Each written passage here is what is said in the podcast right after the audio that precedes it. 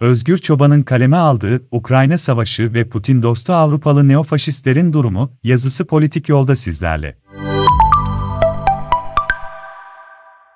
Rusya'nın Ukrayna'ya yönelik saldırısını başlatmasının ardından küresel çapta yönetimde olan çeşitli siyasal fraksiyonlara mensup devlet adamları hızlı bir şekilde kınama mesajları paylaştılar ve net bir hat belirlediler. Diğer yandan, Rusya Devlet Başkanı Vladimir Putin'e olan sempati ve hayranlıklarını hiç gizlemeyen Avrupalı aşırı sağcılar, Ukrayna saldırısı nedeniyle oldukça sıkıntılı zamanlar yaşıyorlar. Rus askerlerinin Ukrayna'ya girmesinin elbette çok sayıda sonucu olacak. Konunun Avrupa Birliği, AB, ayağı daha da karışık. Avrupa Birliği'nin Rusya ile olan ticari ilişkileri, enerji tedariki ve benzeri konular hakkında çok konuşuluyor ancak bu yazıda meselenin farklı bir kesitine, Putin ve Avrupa aşırı sağ ilişkilerine odaklanacağız. Rusya'nın saldırısıyla birlikte batıdan birbiri ardına sert açıklamalar geldi. Almanya, Kuzey Akım 2 projesinin onay sürecinin durdurulduğunu duyurdu. Yaptırımlar söz konusu. Bir takım sert ekonomik girişimleri içeren yaptırım kararları üzerinde çalışıldığı anlaşılıyor. Açıklamalardan Batı'nın Rusya'yı, ekonomisi zayıf ancak askeri açıdan güçlü bir ülke olarak değerlendirdiği anlaşılıyor. Batı, buradan hareketle Rusya'yı görece zayıf olduğu yerinden, ekonomisinden vurmaya çalışıyor. Yaptırımlar, Rusya'nın yakın vadede uluslararası piyasalardan kopması riskini barındırıyor.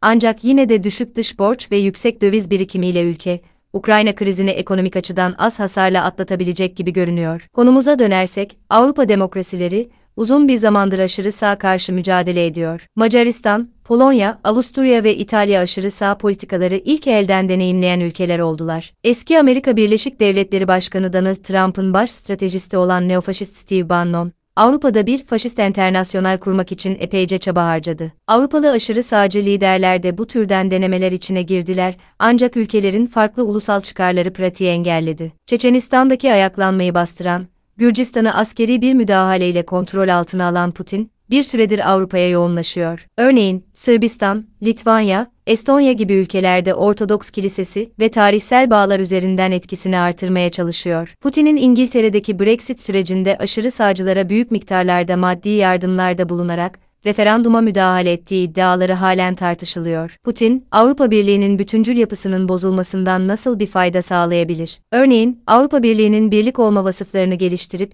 üzerinde hep konuşulan Avrupa ordusunu oluşturarak, bir askeri blok olarak ortaya çıkması, Putin'in etki alanını genişletmeye yönelik planlarını yavaşlatabilir. The Center for European Reform örgütü direktörü Charles Grant, Times gazetesine yaptığı açıklamada, aşırı sağcı partilerin, Putin ile güçlü bir şekilde resmi bağlar kurmuş olmaları gerçekten şaşırtıcı, sözleriyle durumu özetledi. Grant, aşırı sağın yükselmesinin ardındaki ana etkenlerden biri Rusya demek istemiyorum ama Rusya'nın bunları desteklemek için stratejik nedenleri var, diye ekledi. Viyana Üniversitesi öğretim üyesi Profesör Markus Wagner de Avrupalı faşitlerin Putin hayranlığını, Putin'i, enternasyonalizme ve açıklığa direnen bir tür yurtsever kahraman olarak görüyorlar, şeklinde formülize ediyor. Faşist aksiyonları hayata geçirmede Putin'in hem maddi hem de manevi desteğini alan neofaşistler, bu ilişkiyi daha kapsamlı bir alana yaymaya çalışıyorlar. Şöyle ki Almanya'da yayımlanan haber dergisi Focus'ta bundan iki yıl önce yer alan bir haberde, neonazi partilerin EPD ve DER 3, VEK gibi partilerin teröristlerini,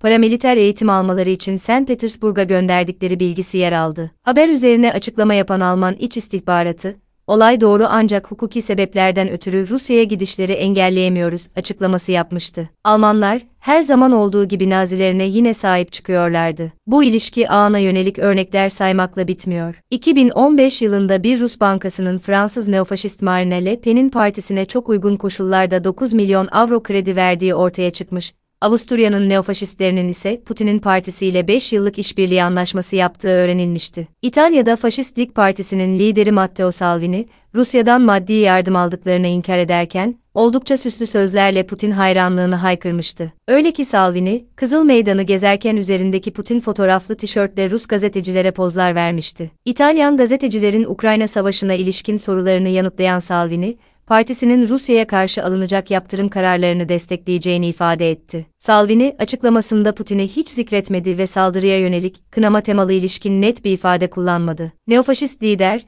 enerji kıtlığı yaşanabileceğini ve ekonomik darboğaza girilebileceğini söyledi, o kadar. Sivillerin hedef olduğu bir işgalde, medeni olmakla övünen, Avrupalı bir neonazinin kafasını başka yere çevirmesine şaşırmamak gerekiyor sanıyorum. İngiltere'nin abden ayrılmasıyla sonuçlanan Brexit referandumunun galibi neofaşist Nigel Farage da Rusya'nın Ukrayna'ya tam ölçekli bir saldırı başlatmayacağına dair öngörüsünden açıkça pişmanlık duyduğunu dile getirdi. Farage, yanılmışım ifadesini kullandı. Hepsi bu kadar. Ne bir kınama, ne bir üzüntü dile getirmek var. Bunların yanı sıra Almanya Federal Meclisi'ndeki Neonazi Partisi Almanya için alternatif, AFD, Rusya'nın Ukrayna'daki saldırı öncesi girişimlerine yönelik olarak NATO doğuya doğru genişleyerek Rusya'nın meşru güvenlik çıkarlarını ihlal etti tezini öne sürebiliyor. AFD'li yetkililer ayrıca Almanya'nın Rusya'ya yönelik yaptırım kararlarına ret oyu vereceklerini de bildirdi. Saldırının ardından diğer neofaşistlerde olduğu gibi netlik içermeyen bir hat belirlemeyen açıklamalar geldi Nazi Partisi'nden. Fransa'nın neofaşistleri nasıl bir tavır sergiliyor? Son anketler, Cumhurbaşkanlığı seçimine hazırlanan Fransa'da Rusya'nın saldırısının seçmenlerin oy verme davranışlarında değişiklik yaratabileceğini gösteriyor. Cumhurbaşkanı Emmanuel Macron'un savaş öncesinde sergilediği çabanın seçmen gözünde popülaritesini bir miktar artırdığı gözlemleniyor. Macron'un en önemli rakiplerden olan neofaşistler Eric Zemmour ve Marine Le Pen,